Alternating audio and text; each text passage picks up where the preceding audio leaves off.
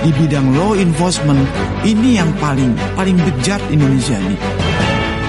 Bisa jadi Allah sedang menguji kita bangsa Indonesia. It is an indictment of every one of us that millions of people are starving in this day and age. Iklim investasinya terus diperbaiki wages Indonesia. Dan mafia-mafia terkait produk pertanian ini harus diperangi secara tuntas.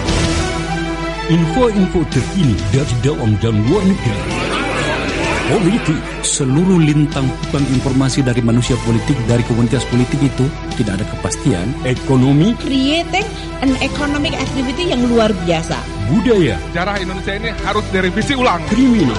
Criminalize their behavior would be the crime. Dan olahraga. Unbelievable! Fakta memaksa kami melakukan percepatan dalam penyajian informasi. Karena ini duit negara Mau dibawa ke mana negara ini? Negara yang panjang kunjung Pasir Bir Jumahri Pahloh Jinawi Karto Turarjo. Disuarakan melalui AM 729. Inilah topik berita.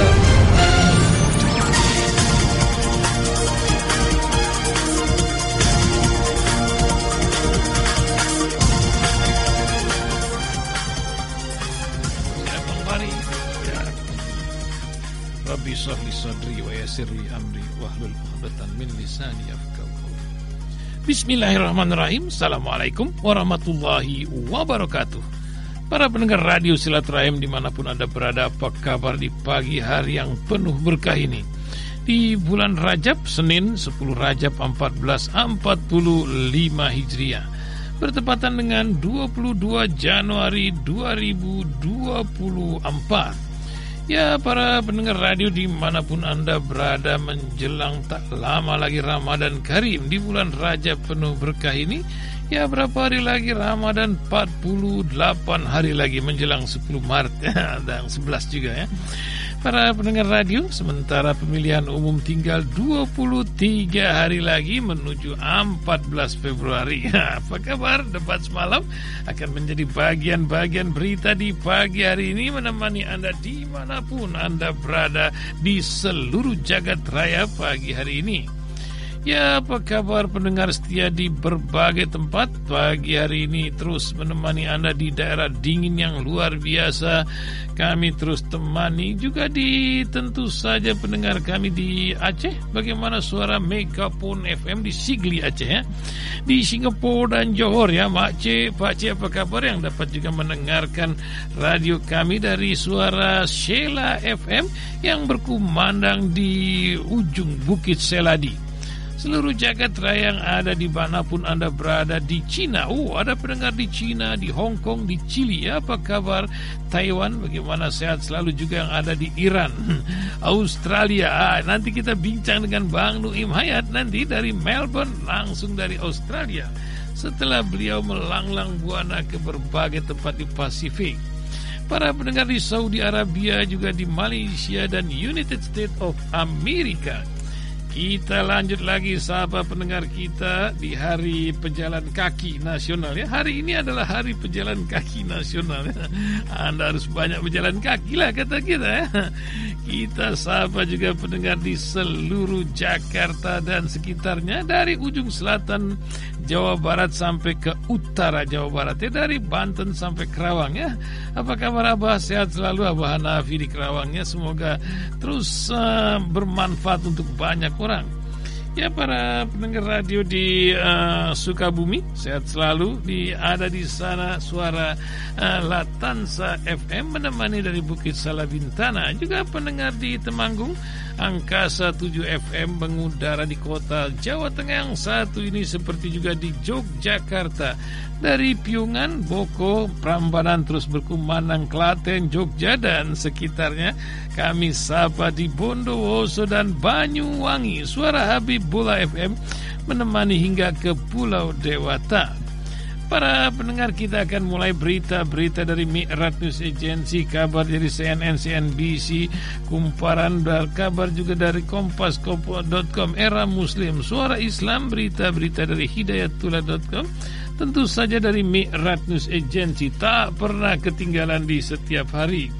Ya sehat selalu Bapak Ade Dalmia Siregar ya. Ibu Dewi Dwi Dewi Widiawa dan Ibu Emi Amalia. Sehat selalu Bapak Khairuddin Rahman dan Ibu Ella Syamira.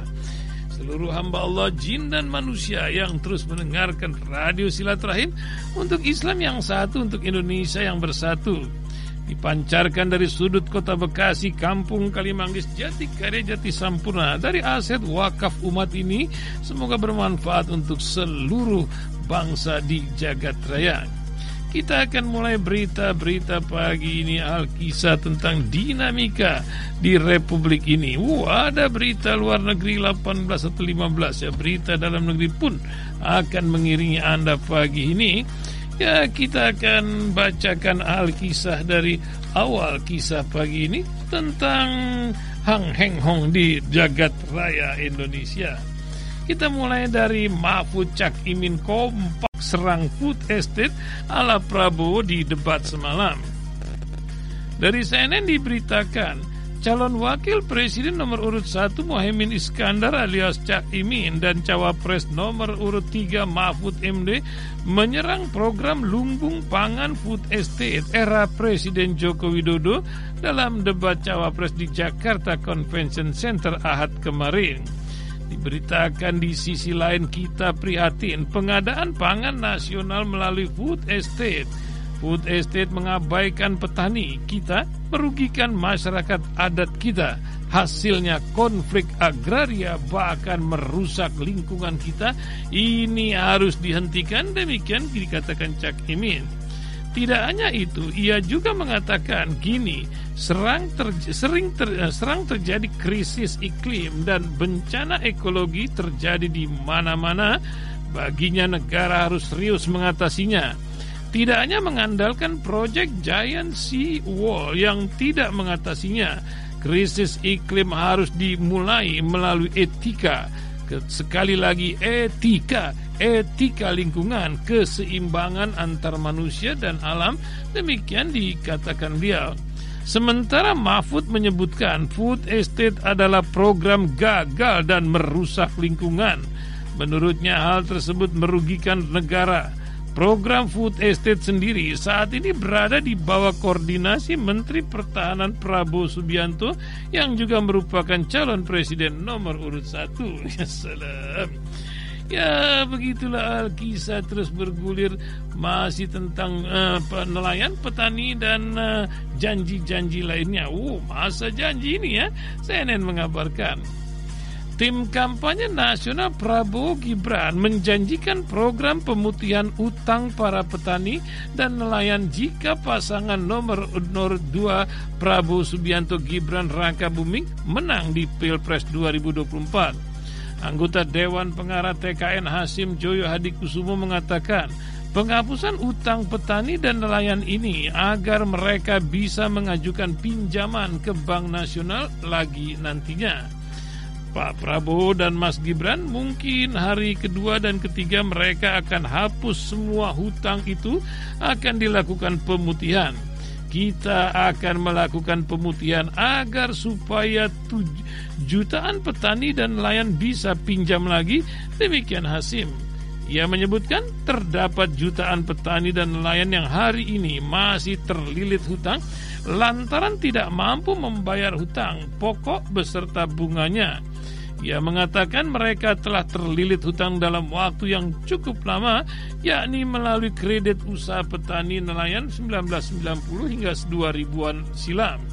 Akibatnya mereka beralih ke pinjaman online dengan bunga yang besar Sementara di sisi lain mereka juga tidak bisa lagi mendapatkan kredit dari perbankan nasional Akibat hutang yang menunggak Asim berpendapat Melalui program pemutihan itu, para petani dan nelayan tak akan ditagih lagi oleh bank dan kembali memperoleh hak pinjam mereka. Ya salam.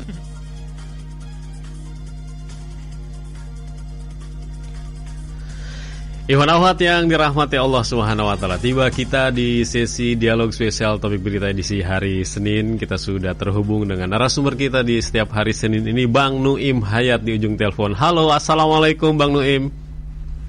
Waalaikumsalam warahmatullahi wabarakatuh. Gimana kabar? Sehat Bang Nim ya? Alhamdulillah hanya maaf tuh hari Senin yang lalu terkatung-katung di tengah lautan Pasifik tidak ada internet nggak ada wifi jadi nggak bisa berhubungan. Rupanya masih ada keterbatasan manusia di tengah laut ya untuk nih Bang Lui masih iya. dalam lindungan Allah Subhanahu Wa Taala. Saya duga kalau tadi malam kayaknya khusyuk nih nonton debat cawapres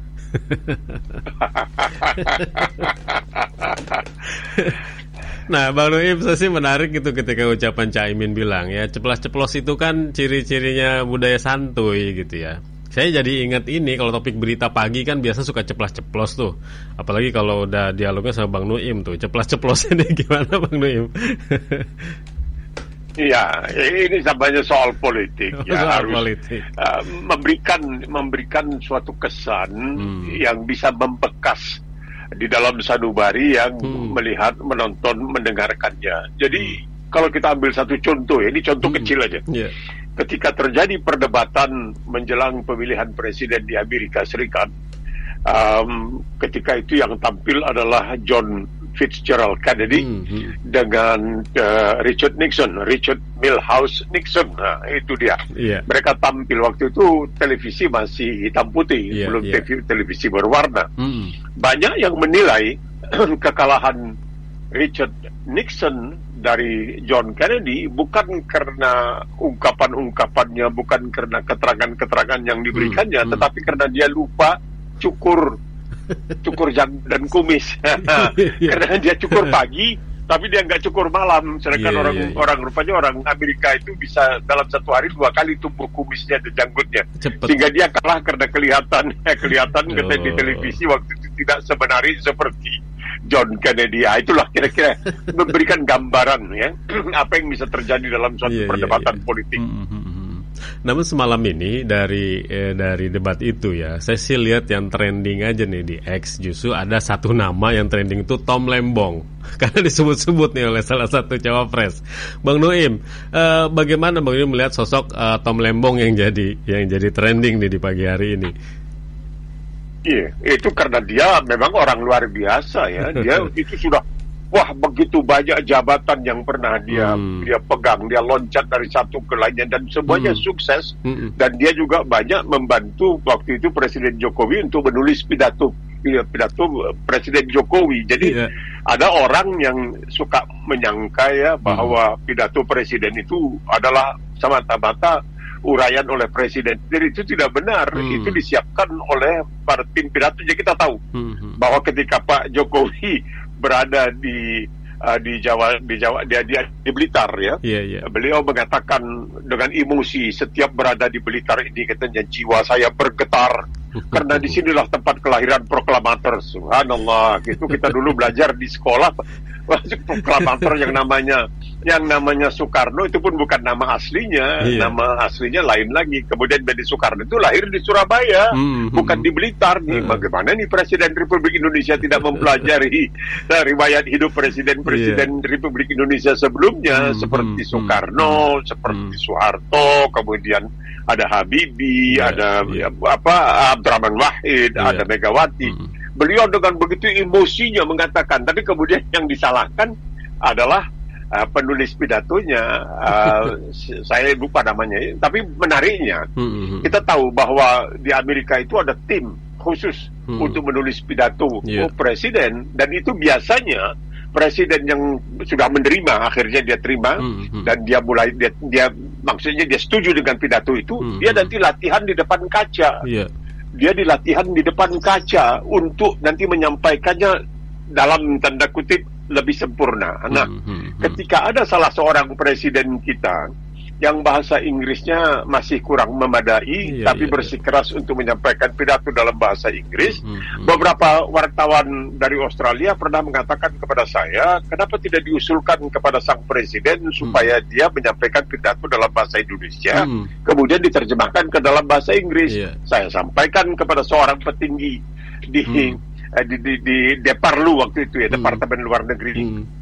Dan dia perlu mengatakan sudah bang katanya kami sudah sampaikan cuma kami dibentak-bentak katanya hmm. saya ini presiden ya jangan baca-baca yeah, yeah, jadi nggak yeah. mau nggak yeah. mau latihan dulu sebelum menyampaikan pidatonya nah pletot-pletot ya, kemudian kalau dalam so sepertinya Pak Jokowi yeah. itu dengan kipasan tangan jiwa bergetar tempat kelahiran proklamator dikatakannya di Blitar padahal di Surabaya yeah, yeah, yeah, kita yeah. kasihan juga yeah, kalau yeah. presiden kita sampai begitu Salah. tapi apa boleh buat hmm, akhirnya hmm. sudah begitu ya hmm, hmm, hmm.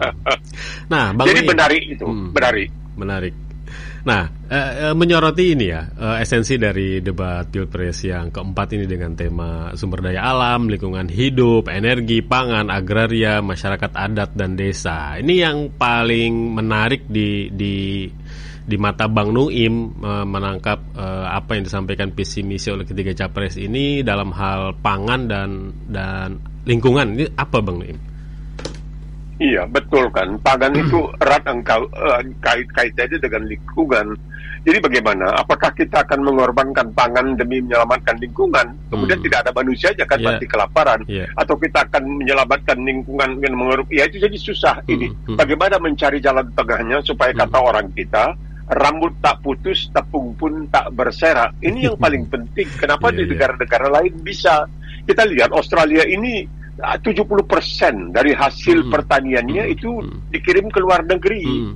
Berasnya saja kira-kira 80% barangkali diekspor ke luar negeri. Ini payah hmm. orang Indonesia mau percaya hmm. bahwa Australia tidak. Ya, ini ada gangguan ini. Halo Bang Nuim.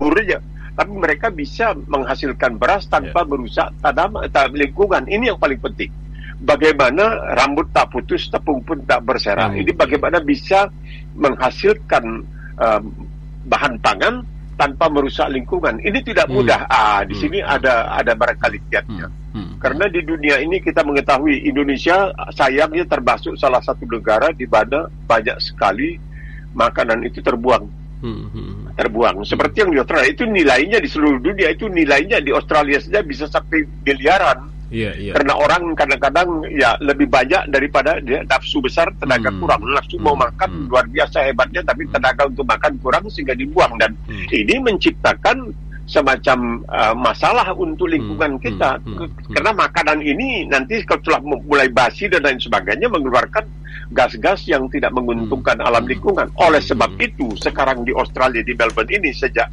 um, bulan Juni yang lalu itu saya misalnya kalau buang sampah itu tidak bisa sembarangan. Yeah. Ada sampah makanan bekas seperti kulit telur misalnya, yeah, yeah. Uh, misalnya kulit pisang, kulit telur, makanan yang tersisa itu mesti dimasukkan ke tempat khusus. Hmm. Nanti ada yang bisa untuk didaur ulang, ada yang hmm. merupakan hmm. Um, sampah biasa. Hmm. Dan ini hmm. sampah-sampah ini nanti kemudian diolah kembali untuk menghindari hmm. jangan sampai hmm. terjadi pencemaran terhadap alam. Tidak, hmm. 100% hmm. bisa berhasil, hmm. tetapi mendinganlah. Nah, salah satu masalah um, yang ditimbulkan oleh makanan uh, utama bangsa Indonesia, hmm. bangsa Tiongkok, bangsa hmm. itu beras.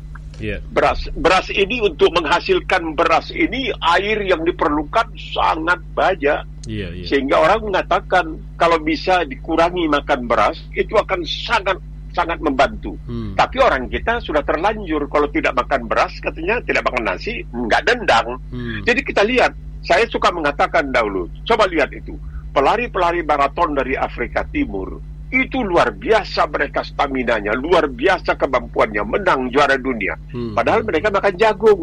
Mereka makan jagung. Yeah. Nah, sekarang ini dikatakan sebenarnya karbohidrat yang paling paling berkhasiat itu adalah ubi rambat. Hmm, hmm. Nah, kalau orang kita disuruh makan ubi rambat bilang, "Wah, nanti orang pikir kita udah jatuh miskin." Iya, Tidak. Yeah halalan taiban itu tidak perlu bumbu. Hmm. Jadi jangan pikirkan orang lain lah, makan yang yang sehat. Jadi ubi rambat hmm. itu termasuk makanan yang atau karbohidratnya sangat bagus. Itulah yang terbaik katanya. Hmm. Sedangkan beras walaupun baik tapi banyak karbo apa banyak glukosnya, banyak gulanya. Entah bagaimana hmm. usaha yang pernah dilakukan oleh Belanda untuk menciptakan bibit padi yang sangat kecil kandungan glukosnya itu atau gulanya itu sangat kecil masih belum juga kabarnya tercipta nah inilah pikirkanlah jadi jangan percaya kepada tahyul kalau belum makan beras belum kenyang. Ah, itu belum makan nasi belum kenyang itu tidak benar. Iya, itu tidak benar karena begini. Menurut kajian itu otak menyampaikan pesan kepada perut bahwa perut sudah kenyang, sudah terisi 20 menit setelah kita makan. Jadi makanlah berpada-pada sebab begini. Nah ini saya karena kita udah dekat Ramadan juga dia Hmm, sebentar lagi hmm. Rajab Syaban Iya, Ramadan. iya. Jadi seperti dikata Rasulullah SAW sepertiga makanan, sepertiga air, sepertiga uh, udara. Oke. Hmm, Nah, hmm. Mahathir Muhammad ketika dia terpilih kembali menjadi perdana menteri pada usia 93 tahun, itu ditanya oleh wartawan asing. Bapak Perdana Menteri Malaysia Pak Mahathir Muhammad, Hmm. kenapa Bapak bisa begitu segar bugar katanya. Udah umur 93 masih segar bugar masih bisa jadi Perdana Menteri. Dia mengatakan nasihat ibu saya, makan jangan berlebihan. Hmm. Makan jangan sampai berlebihan. Nah, kita ini apalagi bulan puasa, ayo itu kata orang Melayu rusak kemarau setahun karena hujan sehari. Makannya luar biasa. Padahal maksud puasa itu adalah pengendalian diri disiplin dan lain sebagainya. Jadi coba bayangkan wahai pendengar rasil Iya. makan nasi itu dibatasi. Hmm, makan lain. Ada ubi rambat ada Hmm. ubi kayu Hmm. ubi singkong. Orang Medan bilang ubi rambat ubi, ubi kayu. Itu ada singkong ada ubi rambat. Hmm. itu bukan main khasiatnya jagung. Itu Kak, kalau mau tahu jagung itu asal usulnya dari Amerika nah hebat kan? Iya, iya. jadi orang kalau dari Amerika dia terkesan itu bukan dari eh, sembarangan tempat tapi dari Amerika jadi Hmm. ini masalahnya bagaimana menjaga keseimbangan antara kebutuhan jasmani untuk makan Hmm. dengan menjaga ekologi, menjaga alam lingkungan. Karena Hmm. Rasulullah Shallallahu Alaihi Wasallam mengatakan, sekiranya kamu berwudu Hmm. di air yang deras mengalir, kamu mesti tetap hebat air. Iya, iya. Jadi hebat itu betul-betul sangat penting. Orang kita mengatakan hebat tangkal kaya. Al-Quran mengatakan Hmm. mubazir Hmm. itu Hmm. saudara syaitan. Hmm. Jadi Hmm. hati-hatilah Hmm. baik dalam air maupun makanan. Nah, ini kalau ditanyakan tadi tentang pangan dan lingkungan, ini yang mesti kita pikirkan menghasilkan makanan tanpa Iya, merusak iya, iya. lingkungan. Saya, saya ingin kaitkan dengan tinjauan filosofis ketika manusia itu disebut gitu ya. Ini ketika ter- terjadi kerusakan di muka bumi, Bang Nuim. Manusia itu mulutnya kecil, tetapi makannya tuh lebih besar daripada daripada buaya, daripada yang mulutnya lebih besar gitu. Buaya tidak menghancur lingkungan, tapi manusia bisa menghancurkan semuanya. Bahkan manusianya dihancurkan gitu. Ya, itu betul kan. Jadi manusia itu karena dia diberi akal. Nah, akalnya itu kan untuk membedakan antara yang baik dengan yang tidak baik. Jadi Al-Qur'an mengatakan didatangkan, diturunkan Al-Quran itu untuk membawa kamu dari kegelapan menuju keterang Minatullah dan Nur. Ya, ini ini harusnya dipikirkan. Ini harusnya dipikirkan tidak sembarangan. Sebab begini, barangkali salah satu masalah yang kita hadapi hampir di seluruh dunia, termasuk di Indonesia, makanya orang korupsi berlebihan dan lain sebagainya, adalah keserakahan. Ya. Tamak itu. Nah, Rasulullah mengatakan, kamu ingin betul-betul merasa sudah kaya raya, ya kamu harus bersyukur. Nah, ini masalahnya karena orang yang sudah punya itu tetap merasa kurang dan dia mau lebih banyak lagi, mau lebih banyak. Padahal sebagaimana kita ketahui ya, itulah makannya tidak seberapa sebelumnya. Ya, banyak orang sekarang ini yang punya punya uang tidak bisa makan ini karena sakit ini, Iya, tidak iya. bisa makan ini darah tinggi Iya. karena ini. Nah, ini ini masalah. Jadi keserakahan itu juga merupakan salah satu sifat yang harus kita kekang. Berpada-padalah. Karena itu karena wala ta'tadun itu Iya, iya. ajaran Allah jangan berlebihan. Hmm. Bukan saja berlebihan dalam makan dan minum, tapi juga dalam peperangan. Tidak boleh berlebih-lebihan seperti yang dilakukan sekarang ini di, di Gaza. Itu tidak diredai Iya, oleh iya. Allah SWT karena wala ta'tadun, tidak Iya. boleh berlebih-lebihan. Iya, iya. Nah, Bang Nuim bicara pangan juga kan kaitannya dengan kesejahteraan. Apalagi kalau kalau pejabat bicara tentang pangan itu adalah janji mereka kepada rakyat bagaimana mengatasi eh, kebutuhan rakyat ini dengan sesuai gitu sehingga rakyat itu tidak kelaparan. Rakyat juga eh, menjadi eh, sejahtera. Kira-kira masalah eh, pangan yang kaitannya dengan eh, negeri ini begitupun secara global negara-negara lain itu kalau ada masalah sedikit pasti kan menimbulkan kekacauan, chaos gitu ya. Kita lihat bagaimana Papua Nugini yang sampai hari ini masih ada darurat e, nasional ketika tidak bisa mengelola gaji kaitannya dengan dengan kebutuhan dasar gitu ya mereka untuk memenuhi kebutuhan hidup kan ini juga jadi jadi masalah kalau tidak bisa ditangani dengan baik gitu. Nah, perencanaan-perencanaan bagi calon pemimpin ini bagaimana Bang Nuim melihat dari kasus-kasus negeri-negeri lain juga?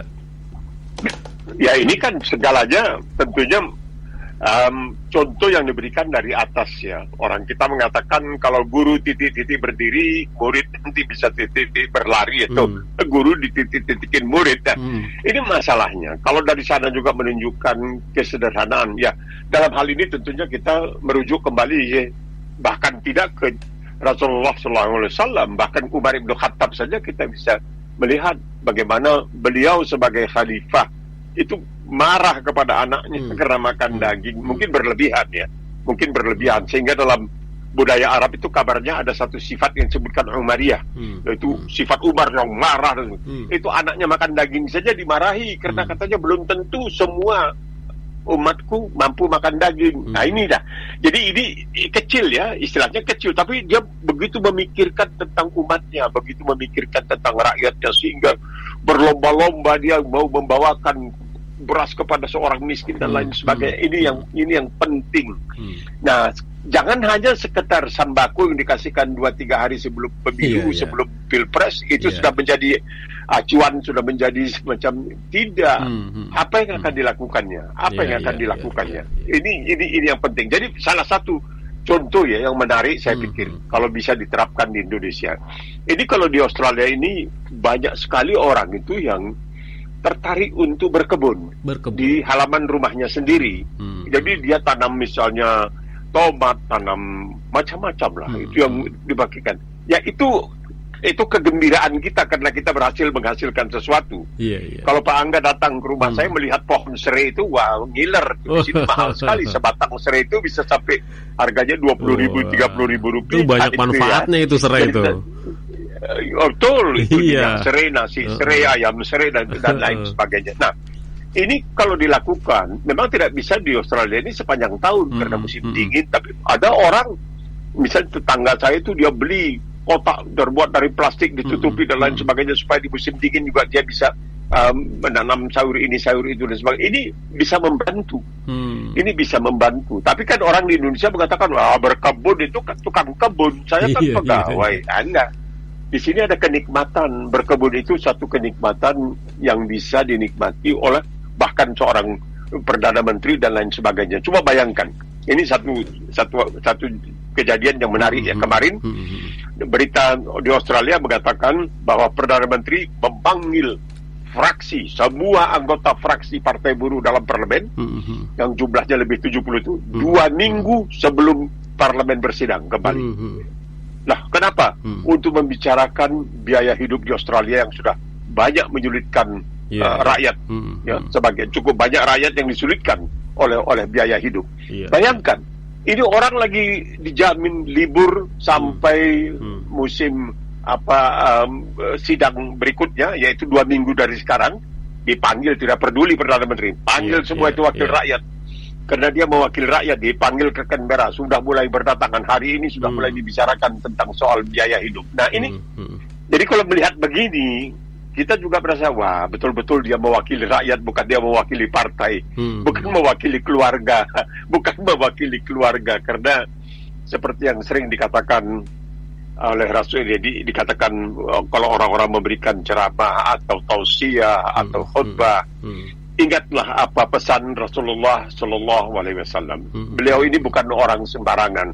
Meski hidupnya sederhana, mesti dia nambal pakaiannya sendiri, mesti dia perbaiki sandalnya. Hmm. Dia ini adalah orang yang menjadi kepercayaan untuk menyampaikan wahyu yang datang yeah, dari Allah yeah, Subhanahu yeah. Beliau mengatakan, serahkan urusan kepada ahlinya. Kalau hmm. tidak tunggulah kehancuran. Bukan serahkan hmm. urusan hmm. kepada saudara saudaranya kepada uh, kerabat Kongsinya. kepada andai taulan tidak yeah, yeah. tapi serahkan urusan kepada ahlinya kalau iya. tidak tunggulah kehancuran Tunggu karena hmm. Islam itu sebenarnya terus terang juga hmm, hmm, yang saya hmm. baca hmm. Islam itu disimpulkan lebih condong kepada meritokrasi hmm. demokrasi itu adalah menyerahkan urusan kepada Urusan para kepada ahlinya. para ahli. Ahlul ahli wal. Iya, Hmm, hmm. ya itu dia. Ini ini yang penting sebenarnya untuk Iya, barangkali kita kita yakini karena ini penting sekali. Jadi Betul. mesti diserahkan urusan kepada ahlinya, Hmm, hmm. bukan kepada handai taulan, bukan kepada sanak saudara, biarpun betapa dekatnya, tetapi kepada ahlinya, Hmm. yaitu mereka yang punya keterampilan. Begitu kira-kira. Jangan juga lewat para ahli-ahlinya yang memandatkan ke seseorang gitu ya. Ahli-ahlinya. Iya, itu. Iya, Nah. karena tapi di sini karena karena pengawasan itu, Bung Hmm. Yaitu parle- parlemen itu luar biasa. Iya, Kadang-kadang iya, iya. kita pikir, aduh ini nyinyir. Ini parlemen ini soal-soal kecil. Eh, Perdana Menterinya bolak-balik ke luar negeri, Nah. bilang ngapain terus-terusan ke luar negeri begitu. Nah, itu itu bangsa. Padahal itu, itu urusan negara Urusan dan negara. sebagainya. Jadi ya setiap setiap hal yang dilakukan itu di, di- diperhatikan. Jadi para anggota parlemennya itu dia mengatakan kan kita Hmm, menyebutnya hmm. dewan perwakilan rakyat. rakyat kan, Iya, bukan iya. partai kan. Bukan. Nah, jadi mereka itu selalu memberikan kesan bahwa mereka itu memang berjuang untuk kepentingan untuk Rakyat. kesejahteraan rakyatnya, bukan partainya. Hmm. Ini yang kita kita kita kita tidak melihat di di sejumlah negara kita tidak melihat ini. Iya, iya. Jadi demokrasi yang berlaku misalnya di Inggris, di Australia, Hmm, itu betul-betul ya baik buruknya itu. Tapi betul-betul kita lihat kalau ke dalam itu mereka betul-betul memperjuangkan kesejahteraan rakyat. Iya, iya, itu itu tidak bisa di- itu tidak bisa dipungkiri. Niatnya ke situ dan amalnya juga ikhtiarnya ke situ. Betul, betul. Baik, Bang Noim. Eh, saya ingin ke geser kita ke konflik yang terjadi di Gaza, Palestina. Alih-alih mereda, Bang Noim, apalagi stop gitu ya. Ini kan aksi bombardir nih Israel ke wilayah jalur Gaza terus berlanjut gitu. Bahkan konflik makin meluas dan juga eh, menyeret eh, beberapa pihak eh, Irak, Iran gitu ya sudah mulai meluncurkan rudal-rudalnya. Ini bagaimana eh, Bang, Bang Nuim melihat eh, alih-alih mereda tapi aksi eh, peperangan terus berlanjut kalah alutista bagi Hamas tidak masalah karena terus melawan. Ya, kan ini ada usaha Hmm. untuk membawa rendong istilahnya Hmm. untuk melibatkan agar Iran mau ikut terlibat supaya Iran bisa dihajar. Hmm. Tapi yang paling menarik Bang Angga, dan ini yang kita katakan bahwa sesungguhnya yang disebutkan negara adik kuasa di dunia ini adalah Israel. Hmm. Karena apa? Amerika baru saja mengatakan penyelesaian masalah Palestina adalah dengan menerapkan atau mewujudkan apa yang disebutkan sebagai persetujuan Oslo ya di tahun 90-an yaitu pembentukan sebuah negara Palestina. Ya, ya. Netanyahu langsung mengatakan oh enggak, kita tidak setuju. Nggak bisa apa-apa. Nggak bisa tidak bisa apa-apa. Perserikatan bangsa-bangsa dengan 190 lebih negara itu tidak bisa bikin apa-apa. Amerika. Jadi selalu dikatakan uh, bahwa Amerika itu katanya dikendalikan oleh modal Yahudi. Padahal kenyataannya Amerika itu yang terus memberikan bantuan Iya. berapa miliar tiap tahun dan sekarang ini untuk melakukan pemboman di Gaza juga itu ya banyak uh, senjatanya dari Amerika. Nah, kemudian kemarin dulu Biden, mengat- Biden mengatakan ya ini ya barangkali pembentukan negara Palestina. Oh tidak, Netanyahu bilang tidak mau dan dia ingin agar lebih banyak negara terlibat. Jadi dia tahu, dia tahu begini. Apa pun yang dia lakukan, kalau dia nanti melakukan tahu-tahu mis- misalnya ini mustahil ya, mustahil, bukan mendahului, bukan mendahului ya kehendak Allah swt. Tapi ini dari segi politik mustahil. Sekiranya Mesir turun tangan untuk bela Gaza, Hmm. ah itu dia akan hajar Mesir. Hmm. Misalnya Yordan turun tangan, dia akan hajar Yordan. Siapa lagi? Irak tuh dia akan hajar semuanya dia akan hajar sampai yang pernah saya baca adalah ketika perdana menteri Israel itu seorang perempuan dan ditanya oleh wartawan BBC eh apa betul Israel punya senjata nuklir ya kita punya senjata nuklir itu dipakai untuk apa kan kalau kami di Israel sampai merasa terancam akan punah kami akan memunahkan semua yang ada di Timur Tengah. Oh. Nah, itu yang dikatakan oleh Golda Meir. Golden May. Bisa di, di, di, dilacak, Iya, di, iya. digitalnya itu ada bisa dilihat lacak. Jadi Hmm, dia punya senjata nuklir, padahal hmm. ada larangan penyebaran senjata nuklir. Dia hmm. tidak boleh punya senjata nuklir, tapi kan tidak ada yang bisa melarangnya. Hmm. Nah, itu Obama ditanya mengenai senjata nuklir Israel, hmm. tidak mau jawab. Hmm. Kabarnya, kabarnya, ini kabarnya hmm. ada ada suatu ulasan yang mengatakan gitu John Kennedy hmm. ketika diberitahu bahwa Israel punya nuklir dia marah-marah. Dia bilang tidak boleh itu harus dihapuskan. Hmm. harus dihancurkan. Dia yang hancur. Ya, ya. nah bulan bang, November 63 uh, ya itu. Jadi jadi ini yeah, yeah, semuanya yeah. akan ditentukan oleh untuk kita lihat sekarang ini hmm, ya di hmm, dunia ini hmm, hmm. hanya oleh Israel. Nah, dia yang paling berkuasa. Kalau yeah. dia mau berhenti berhenti. Nah itu kan ada sinyalir juga bahwa masyarakat ini kan sudah rakyat ya rakyat Israelnya nih ya melalui parlemennya kan sudah merasa eh, sangat-sangat uh, ketakutan lalu juga melihat morat maritnya pembiayaan perang perekonomiannya juga udah terlihat uh, bagaimana ketika uh, 210 miliar atau 58 miliar dolar AS gitu ya sudah di, di, digelontorkan. Ini apakah masyarakat sendiri, rakyat Israel sendiri yang akan menuntut pemerintahannya supaya menghentikan perang ini dari dalamnya sendiri justru? Itu yang paling mungkin. Sebab hmm, begini, kalau kita lihat negara-negara Eropa, Inggris, apalagi Jerman, waduh, Jerman luar hmm. biasa merasa bersalahnya kepada umat Yahudi. Yeah, Jadi yeah. tidak punya anu batas lagi. Terus akan membantu dan membela Israel. Israel tidak perlu takut. Hmm, hmm. Kekurangan apa? Kekurangan apa itu akan di, dipenuhi hmm. oleh Amerika, oleh Inggris, oleh Jerman dan sejumlah negara. Prancis kelihatannya masih agak maju mundur maju mundur. Tapi tiga negara inilah boleh dikatakan terutama Amerika Serikat tidak hmm. punya pilihan. Hmm. Tidak punya pilihan. Apa pun dia mesti bantu, dia mesti bela. Sebab seperti dikatakan Biden itu 100% hmm. 100% tidak bisa uh, membiarkan sampai Israel teraniaya. Hmm, hmm, Oleh sebab itu Israel jadi sangat nekat ya, sangat Sama, berani. Ya. Tapi seperti yang Anda katakan, hmm, hmm. kalau di dalam negeri sendiri rakyatnya sudah barangkali nuraninya, hmm, hmm. tapi di, di kabarnya di Israel tidak ditunjukkan iya, segala ke, ke, iya. kedahsyatan ya, kebuasan hmm yang kebiadaban yang terjadi di Gaza itu di hmm. televisi mereka tidak melihat itu. Iya, iya. Mereka tidak tidak melihat. Hmm. Terus-terusan dibilang jangan lupa hmm. ada beberapa di antara warga kita yang tewas. Hmm. Jangan lupa, jangan lupa itu hmm. terus-terusan. Propaganda Apakah terus. kita akan terus dianiaya? Ya, hmm. dari mulai dulu sampai Perang Dunia Kedua puncaknya hmm. 6 juta hmm. orang itu hmm. terus-terusan. Jadi yeah, mereka yeah. itu memainkan apa yang disebutkan sebagai senjata korban. Mereka hmm. adalah korban. Kalau mereka Ya, ya. Hmm. kalau mereka menghajar Gaza dan sebagainya, oh itu bela diri. Hmm, hmm. Nah, kalau kalau Palestina bangkit untuk memerdekakan diri, oh itu teroris. Hmm. Ya, dunia pun bilang, ya teroris itu teroris. Hmm, hmm. Jadi hmm. sesungguhnya untuk sampai saat ini Israel adalah adik kuasa itu tidak hmm. bisa dipungkiri. Hmm.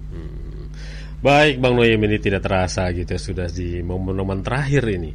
Sebagai penutup Bang Noim ya Saya sih nggak minta Bang Noim untuk nyanyi lagunya Ebit seperti Mahmud semalam. Penutupnya yang lain saja Penutup yang lain saja penutupnya. Gimana kira-kira? Makanya saya makanya saya jadi saya jadi jadi jadi broadcaster itu karena gagal gagal menyanyi karena dikatakan itu musiknya ke mana saya yang ke mana tidak ke mana? tidak tidak mungkin bisa tapi yang menarik barangkali adalah ungkapan seorang tokoh di Indonesia hmm, hmm. dahulu ya dahulu sebelum kita hmm, merdeka hmm, yeah. dia mengatakan sebetulnya yang diperlukan itu dalam hidup ini bukan kejeniusan dia menggunakan kata jenius hmm tetapi kesabaran. Hmm. Sabar itu merupakan senjata yang betul-betul paling ampuh, hmm. tetapi tidak melupakan kenyataan hmm. yang pernah disampaikan oleh Rasulullah, hmm. yang kemudian pernah dikutip oleh Joe Biden hmm. ketika hmm. dia berkampanye melawan eh, Donald Trump. Dia mengatakan dan ini hmm. kita kutip kembali, hmm. menurut hmm. Joe Biden bahwa the, president, the, the prophet of Islam yaitu maksudnya Rasulullah SAW pernah berpesan kalau kamu lihat kesalahan, hmm. perbaiki dengan tangan. Hmm. Kalau tidak sanggup dengan tangan, harus dengan lisan, hmm. ya, dengan lidah, dengan kata-kata. Hmm. Kalau tidak tidak sanggup, maka dalam hati itu merupakan tingkat keimanan yang hmm. paling rendah. Mudah-mudahan bisa dengan tangan, kalau tidak dengan lidah, dan paling tidak dengan dalam hati kita sendiri insya Allah. Ini terakhir Bang Noim ya, mohon maaf terakhir karena tadi disinggung mengenai kesabaran. Pemimpin yang paling sabar, mungkin ini yang bisa membawa Indonesia. Bagaimana menurut Bang Noim nih? Ya, sabar itu juga ada batasnya. Ada batasnya. Seperti dikatakan, sabar itu ada batasnya. Ketika hmm. dia melihat kejahatan, dia tidak boleh membiarkan kejahatan itu terus-terusan. Hmm. Kesalahan itu terus-terusan, karena itu akan hmm. merusak. Hmm. Hmm. Harus diperbaiki. Itu harus diperbaiki. Itu yang dikatakan Rasulullah SAW itu dikatakan pernah didatangi oleh seorang uh, Arab turun hmm. dari uh, untanya, hmm. dia membiarkan untanya, dia menghampiri Rasulullah. Rasulullah mengatakan, "Fulan, itu unta kamu belum diikat. Nanti hmm. dia kemudian, oh saya tawakal. Oh hmm. tidak, kata Rasulullah. Arbut ha tawakal. Kamu ikat dulu unta kamu, baru kamu tawakal. Jadi ikhtiar dulu baru sabar. Itu itu, itu yang penting di situ. Itu yang penting di situ. Karena Al-Quran itu menyebutkan sabar dan. Sabar hmm. dan salat dan iya, sembahyang. Iya, iya, sabar disebutkan dahulu. Nah itu juga Betul. penting. Tapi sabar ya dengan ketentuan tidak membiarkan kalau kamu melihat suatu kesalahan hmm. dibiarkan ya tidak boleh tidak boleh dibiarkan Baik Bang Noim, terima kasih atas dialognya di pagi hari ini. Insya Allah kita jumpa lagi pekan depan Bang Noim ya. Semoga selalu sehat Bang Noim. Insya Allah. Iya. Sampai... Amin ya rabbal alamin. Amin. Terima kasih Bang Noim. Assalamualaikum warahmatullahi wabarakatuh. Waalaikumsalam warahmatullahi wabarakatuh. Ikhwan Ahmad yang dirahmati Allah SWT demikianlah uh, dialog spesial topik berita edisi hari Senin bersama narasumber kita Bang Nuim Hayat dari Melbourne, Australia. Alhamdulillah bisa kembali berdialog dengan beliau. Kita doakan semoga beliau itu selalu sehat, masih bisa memberikan uh, uh, pencerahan dan juga pemikiran-pemikirannya kepada kita semua di setiap hari Senin ini. Kita akan lanjutkan Ikhwan Ahwat ke berita-berita lainnya. kita lanjut lagi berbagi kisah dari Yogyakarta KB Anus mengabarkan Videoton Anies Baswedan resmi tayang perdana di Klingring kota kota baru uh, Yogyakarta pada Sabtu akhir pekan lalu. Selain di kota baru, capres nomor urut satu ini juga tayang di Pakuwon Mall Sleman Jogja Tayangan Videotron ini digagas oleh Project Gen Z, gak maaf, Proyek Gen X, wadah komunitas mak-mak pendukung Anies Baswedan, Wikan. Dari Project Gen X mengatakan ada dua konten Videotron yang dibuat pada tayangan Videotron Anies Baswedan dengan durasi masing-masing 30 detik. Konten pertama tentang humanisme Anies Baswedan, konten kedua tentang prestasi Anies Baswedan. Konten humanis menggambarkan Anies Baswedan sebagai seorang pemimpin dan yang mencintai semua lapisan masyarakat dan dekat dengan rakyat. Pak Anies ini dipeluk siapa pun mau tidak jaga jarak. Demikian dikatakannya. Sisi humanis Anies sangat jelas dan dicintai rakyat. Kemarin kita lihat bagaimana warga kampung Bayam memeluk Anies sambil menangis. Pak Anies membalas pelukan dengan uh, dengan tulus kembali menguatkan orang yang dipeluknya itu. Demikian ungkapnya.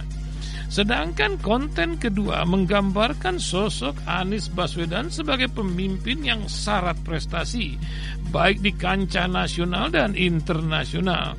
Video lebih banyak menggambarkan prestasi rekam jejak, rekam karya selama memimpin de ibu kota Jakarta sebagai gubernur. Demikian ungkapnya.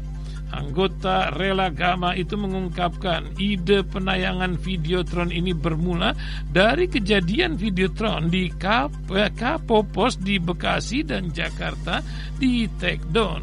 Wikan bersama Anissa mengatakan dana untuk membuat videotron di Jakarta terus digalang oleh mereka. Ya begitulah kisah terus bergulir sementara. Bang Haji apa kabar ini Haji Haji Oma ya? Nampaknya oh nampaknya ya Era Muslim memberitakan sebagai berikut. Musisi legenda dangdut Roma Irama mengaku sudah menyiapkan lagu untuk pasangan calon presiden dan wakil presiden nomor urut 1 Anies Baswedan dan Muhaimin Iskandar. Hal itu dia sampaikan saat ditemui Anies di studio Soneta Group Depok, Jawa Barat Dari dulu lagu untuk lagu untuk Amin sudah ada, begitu kata Roma. Namun pelantun lagu piano itu enggan menyampaikan waktu lagu tersebut dirilis. Insya Allah nantilah akan ada satu momentum Ya insya Allah ada momentum mungkin follow up dari pertemuan ini Demikian Roma yang pasti tadi harapan saya bahwa Anies Baswedan bisa menjadi pem, mempersatukan bangsa dalam rangka kejayaan Indonesia. Demikian lanjut beliau. Pada kesempatan yang sama Anies menilai Roma bukan hanya sekedar seorang legenda dangdut tetapi juga yang mampu menginspirasi masyarakat. Terlebih Anies menyebutkan Roma kerap menyelipkan pesan-pesan sosial dalam lagu gubahannya kami hadir di sini untuk mendapatkan pesan sekaligus doa restu supaya kami bisa menjalankan amanah ini yang ingin menyuarakan apa yang selama ini beliau ungkapkan lewat syair-syairnya. Demikian ujar Anies. Salam. Terlalu. Para pendengar radio di mana pun kita terus sampaikan berbagai kisah lain masih dari dinamika perpolitikan di Republik ini. Joget Gemoy, wali kota Medan Bobi Nasution menjadi kontroversial karena memihak salah satu calon presiden. Padahal Presiden Jokowi jauh-jauh hari telah mengingatkan pejabat kepada da kepala daerah untuk menjaga sikap dan tidak memihak di tahun politik. Namun tampaknya Bobi tidak menggubris apa kata mertuanya itu. Bobi merasa joget gemoy yang identik dengan salah satu capres itu tidak menyalahi aturan. Bahkan ia mengaku joget gemoy yang ia lakukan bersama dengan sang istri itu merupakan bagian dari kampanye untuk mendukung capres Prabowo Subianto. Saya ini kan bukan ASN, beda. Saya bukan PNS, jabatan saya ini nggak kayak di sebelah-sebelah ASN saya ini. Mereka pensiunan ada mungkin beberapa puluh tahun lagi. Saya tahun ini pensiun, kata Bobby saat ditemui awak media. Bobby mengaku joget gemoy yang dilakukan dengan kahiyang ayu dan diunggah di TikToknya itu merupakan bagian dari kebutuhan kampanye. Ia juga merasa itu bagian dari hak politiknya sehingga tidak menyalahi aturan-aturan pemilu. Pengamat komunikasi politik Universitas Sumatera Utara USU Safrudin Pohan menilai hal tersebut menjadi masalah besar. Dalam komunikasi politik ada istilah the invasion of states management atau pengelolaan panggung depan dan panggung belakang. Apa yang disampaikan Presiden Jokowi terkait dengan netralitas kepala daerah dan apa yang dipresentasikan ke publik Bobi Nasution selaku wali kota Medan itu adalah bagaimana panggung depan itu mereka seakan-akan nggak ada masalah demikian. Safrudin Safrudin. ya dari panggung depan, panggung dalam, panggung samping kah wallahu alam selalu berkabar tentang Prabowo yang mengatakan kalau orang otaknya nggak jalan jangan jadi pemimpin. Nah lu lagi-lagi ya. Demikian disampaikan awas. Kadang kita bicara balik ke diri kita sendiri. Hati-hati kalau otak nggak jalan berhentilah kita ya. Begitulah kisah era muslim memberitakan Calon Presiden nomor urut 2 Prabowo Subianto menyindir program internet gratis yang kalah dari program andalannya makan siang dan susu gratis. Adapun program internet gratis di, dicanangkan salah satu paslon nomor urut 3 Ganjar Pranowo Mahfud MD. Prabowo mengungkapkan program unggulannya yakni makan siang dan susu gratis lebih berpihak kepada masyarakat. Dia lantas meminta masyarakat untuk menilai dari dua program tersebut mana yang paling penting dan bermanfaat. Ada yang mengatakan tidak penting itu makan siang untuk anak, katanya lebih penting internet. Saya tanya pada rakyat, lebih penting makan atau internet? Ucap Prabowo se, se, di acara konsolidasi relawan di Pontianak, Kalimantan Barat Sabtu lalu. Masyarakat yang hadir pun kompak mengatakan bahwa kebutuhan makan lebih penting daripada program internet gratis.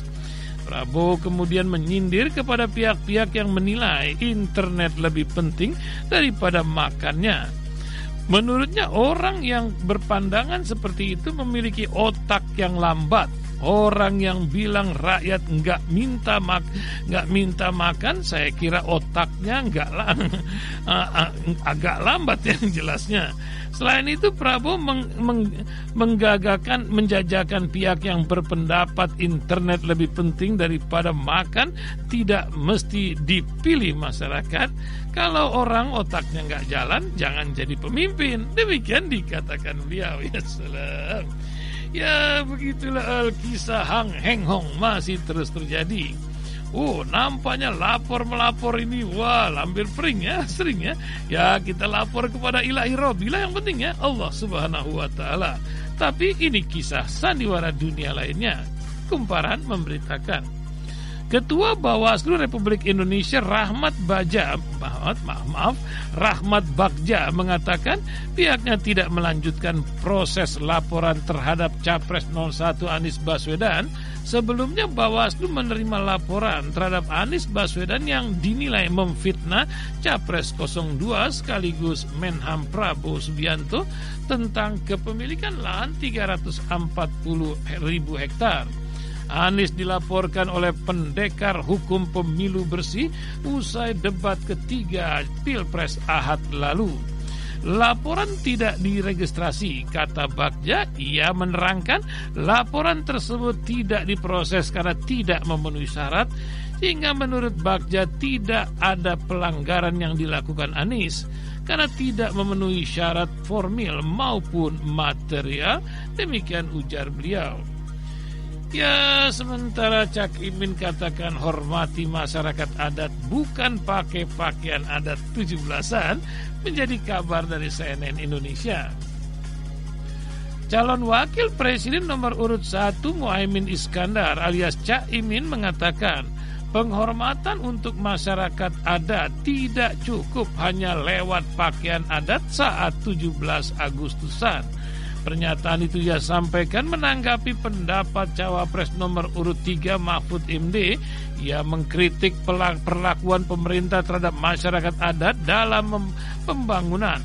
Menghormati masyarakat adat bukan memakai pakaian adat setahun sekali dalam tujuh belasan. Bukan. Menghormati masyarakat adat adalah memberikan hak layak budaya, spiritual, dan kewenangan mereka membangun demikian Cak Imin di debat Cawapres 2024 GCC Ahad lalu. Cak Imin menyoroti konflik pemerintah dengan rakyat dalam pembangunan proyek strategi nasional.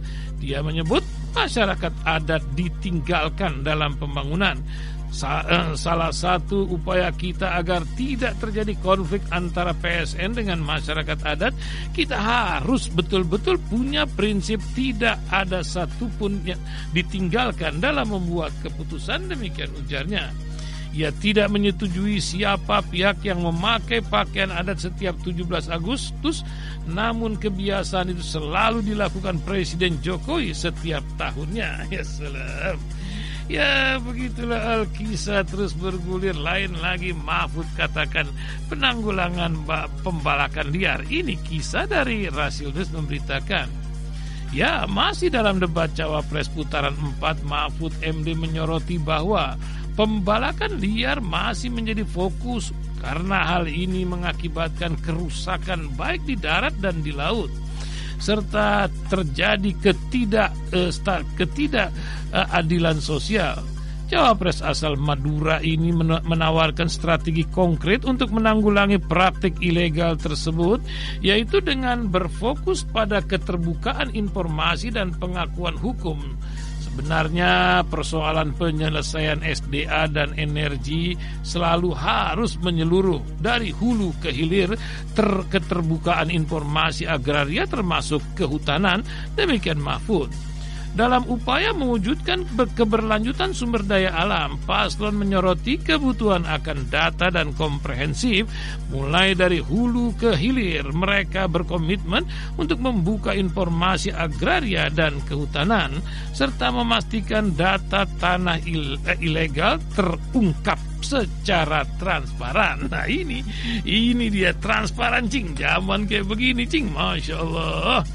Hang Heng Hong masih terus terjadi setelah putaran empat debat capres Ganjar Pranowo menyatakan kagum terhadap penampilan calon wakilnya Mahfud MD. Ia mengakui bahwa jawaban Mahfud dalam menjawab pertanyaan dari cawapres nomor urut 2 Gibran sangat menginspirasi.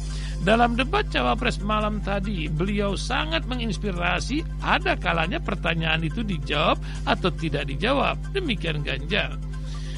Mahfud yang juga Menko Polhuka mengucapkan terima kasih kepada Presiden Jokowi atas kesempatan memegang jabatan tersebut. Dirinya merasa jabatan tersebut adalah anugerah dan amanah besar. Dirinya pun melihat bahwa program Jokowi sangat peduli dengan rakyat dan keberpihakan Jokowi jelas untuk rakyat.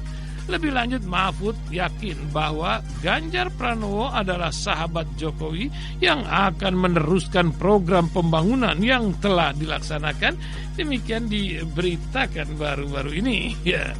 Ya, sandiwara dunia masih terus bergulir ketika blunder Gibran Rangka Buming yang satu ini diberitakan dari Rasil News momen menarik terjadi dalam debat calon presiden antara Gibran Rangka Buming Raka, calon wakil presiden nomor urut 2 dan Mahfud MD.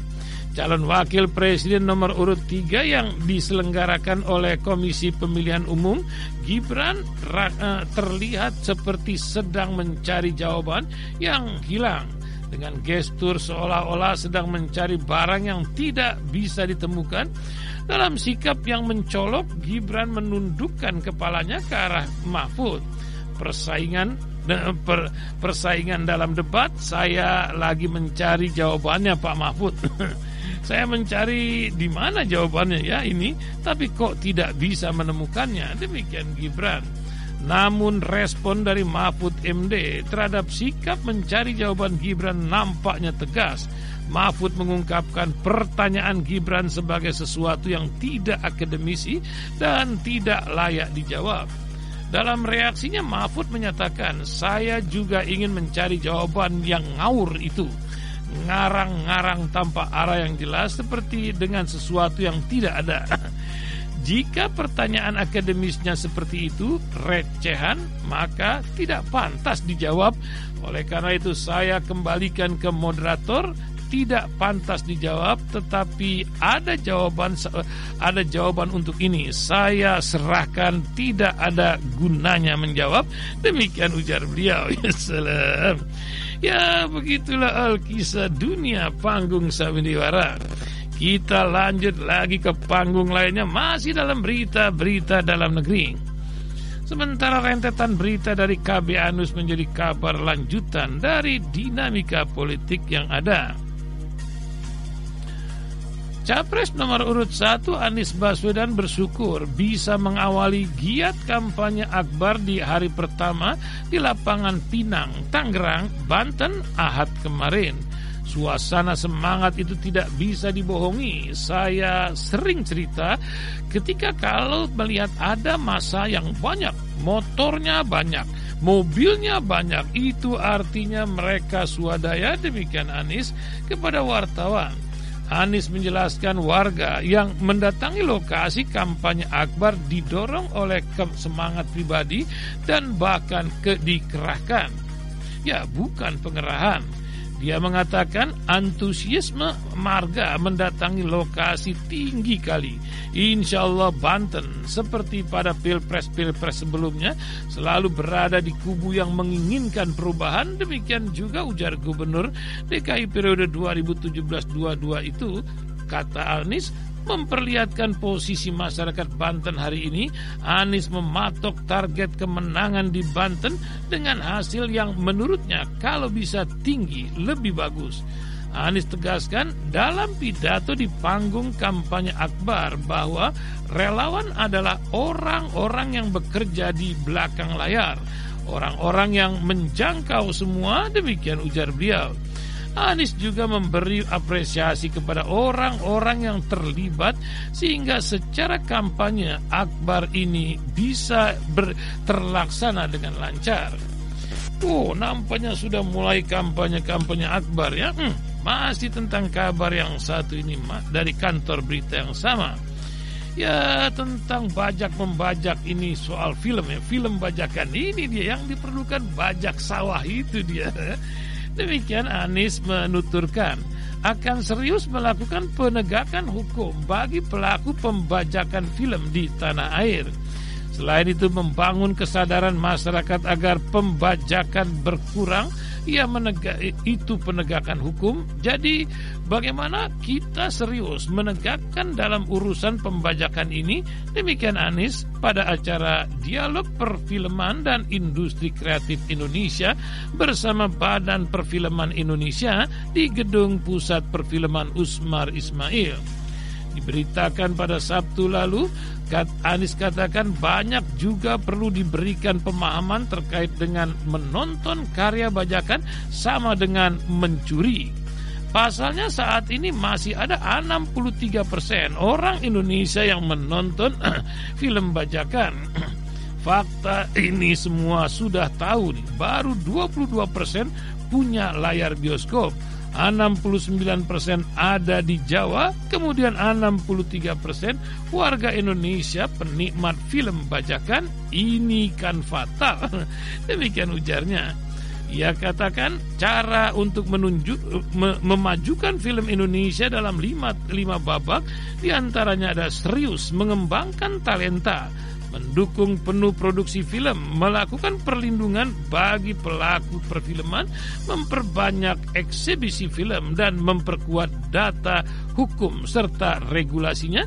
Demikian dikatakan Anies Baswedan. Ya balik ke Yogyakarta apa kabar KBA kabarkan Cawapres nomor urut 2 Muhaimin Iskandar menyatakan program pemerintah nasional dalam pengadaan pangan berupa food estate terbukti gagal. Program food estate harus dihentikan. Kami sangat prihatin upaya pengadaan pangan nasional melalui food estate terbukti mengabaikan peta petani kita meninggalkan masyarakat adat kita, menghasilkan konflik agraria dan bahkan merusak lingkungan hidup kita. Demikian Muhaimin dalam pemaparan visi dan misinya pada debat Capres Ahad semalam. Ketua Umum PKB itu mengutip pernyataan pendiri Nahdlatul Ulama Kiai Haji Hashim Azari yang menyebutkan bahwa petani adalah penolong negeri namun hari ini negara dan pemerintah abai terhadap nasib petani dan nelayan kita demikian ungkap beliau. Masih terus hanghengong berbagai cerita lainnya. Nah, masih tentang KB Anus menjadi dua berita terakhir tentang yang satu ini. Penampilan calon wakil presiden nomor urut 1 Mohaimin Iskandar dalam debat keempat Pilpres 2024 semakin oke. Okay. Ahad kemarin 21 Januari, Ketua Umum PKB menyindir pejabat yang menguasai lahan 500 hektar. Jumlah rumah tangga petani gurem hampir 3 juta lebih. Ini artinya 16 juta rumah tangga petani hanya memiliki setengah hektar. Sementara ada seseorang yang memiliki tanah 500 ribu hektar yang diberikan oleh negara kepadanya. Demikian sindir Muhaimin dalam debat keempat Cawapres pemilu 2024 di Jakarta Convention Center, Jakarta, Ahad malam. Ya, masih lanjut kabar tentang berita-berita dari dalam negeri. Calon ibu negara Ferry Farhati mengatakan Perempuan memiliki peran penting di dalam politik. Menurutnya, perempuan harus memiliki pemahaman yang baik tentang politik sehingga dapat menentukan kebijakan yang dapat berpengaruh bagi perempuan. Dia pun mengajak perempuan di Indonesia untuk cerdas dalam memilih pemimpin Hal tersebut disampaikan Ferry saat menjadi narasumber dalam diskusi bertajuk Perempuan Cerdas Melek Politik yang digelar oleh Partai Keadilan Sejahtera di Rocky Hotel Padang, Sumatera Barat, Sabtu lalu. Memiliki pemimpin itu tidak hanya dengan melihat dari fisik atau pemanipuli penampilannya. Tidak, kita harus menjadi pemilih yang cerdas, yaitu pemilih yang melihat kebijakan kebijakannya berpengaruh atau tidak sama kita dan bisa memastikan perempuan mendapat kesempatan yang sama di setiap bidang. Demikian dikatakan Ferry. Di hadapan ratusan tokoh perempuan Minang, Ferry Farhati menuturkan, Perempuan adalah penggerak yang bisa menggerakkan arah dari kebijakan ke dalam sebuah di dalam sebuah negeri. Ya, baru tahu dia ya. Ya begitulah mak-mak ya potensinya. Ya. Para pendengar bagaimana Hasto katakan kita lihat memang ada ketidaknyamanan dalam kabinet begitu judul yang ditempel oleh CNN Indonesia. Sekretaris Jenderal PDI Perjuangan Hasto Kristianto mengaku mendengar kabar ada menteri yang tidak lagi nyaman berada dalam kabinet pemerintahan Jokowi Ma'ruf. Ia menyebutkan rasa tidak nyaman itu dirasakan para menterinya akibat situasi persaingan politik yang sedang terjadi menjelang Pilpres 2024. Kendati demikian, Hasto tidak mencari siapa saja sosok menteri yang dimaksud. Kita tidak kita lihat memang ada ketidaknyamanan dalam kabinet saat ini. Demikian ujarnya dalam keterangan tertulis Sabtu lalu. Di sisi lain, Hasto memastikan seluruh menteri yang berasal dari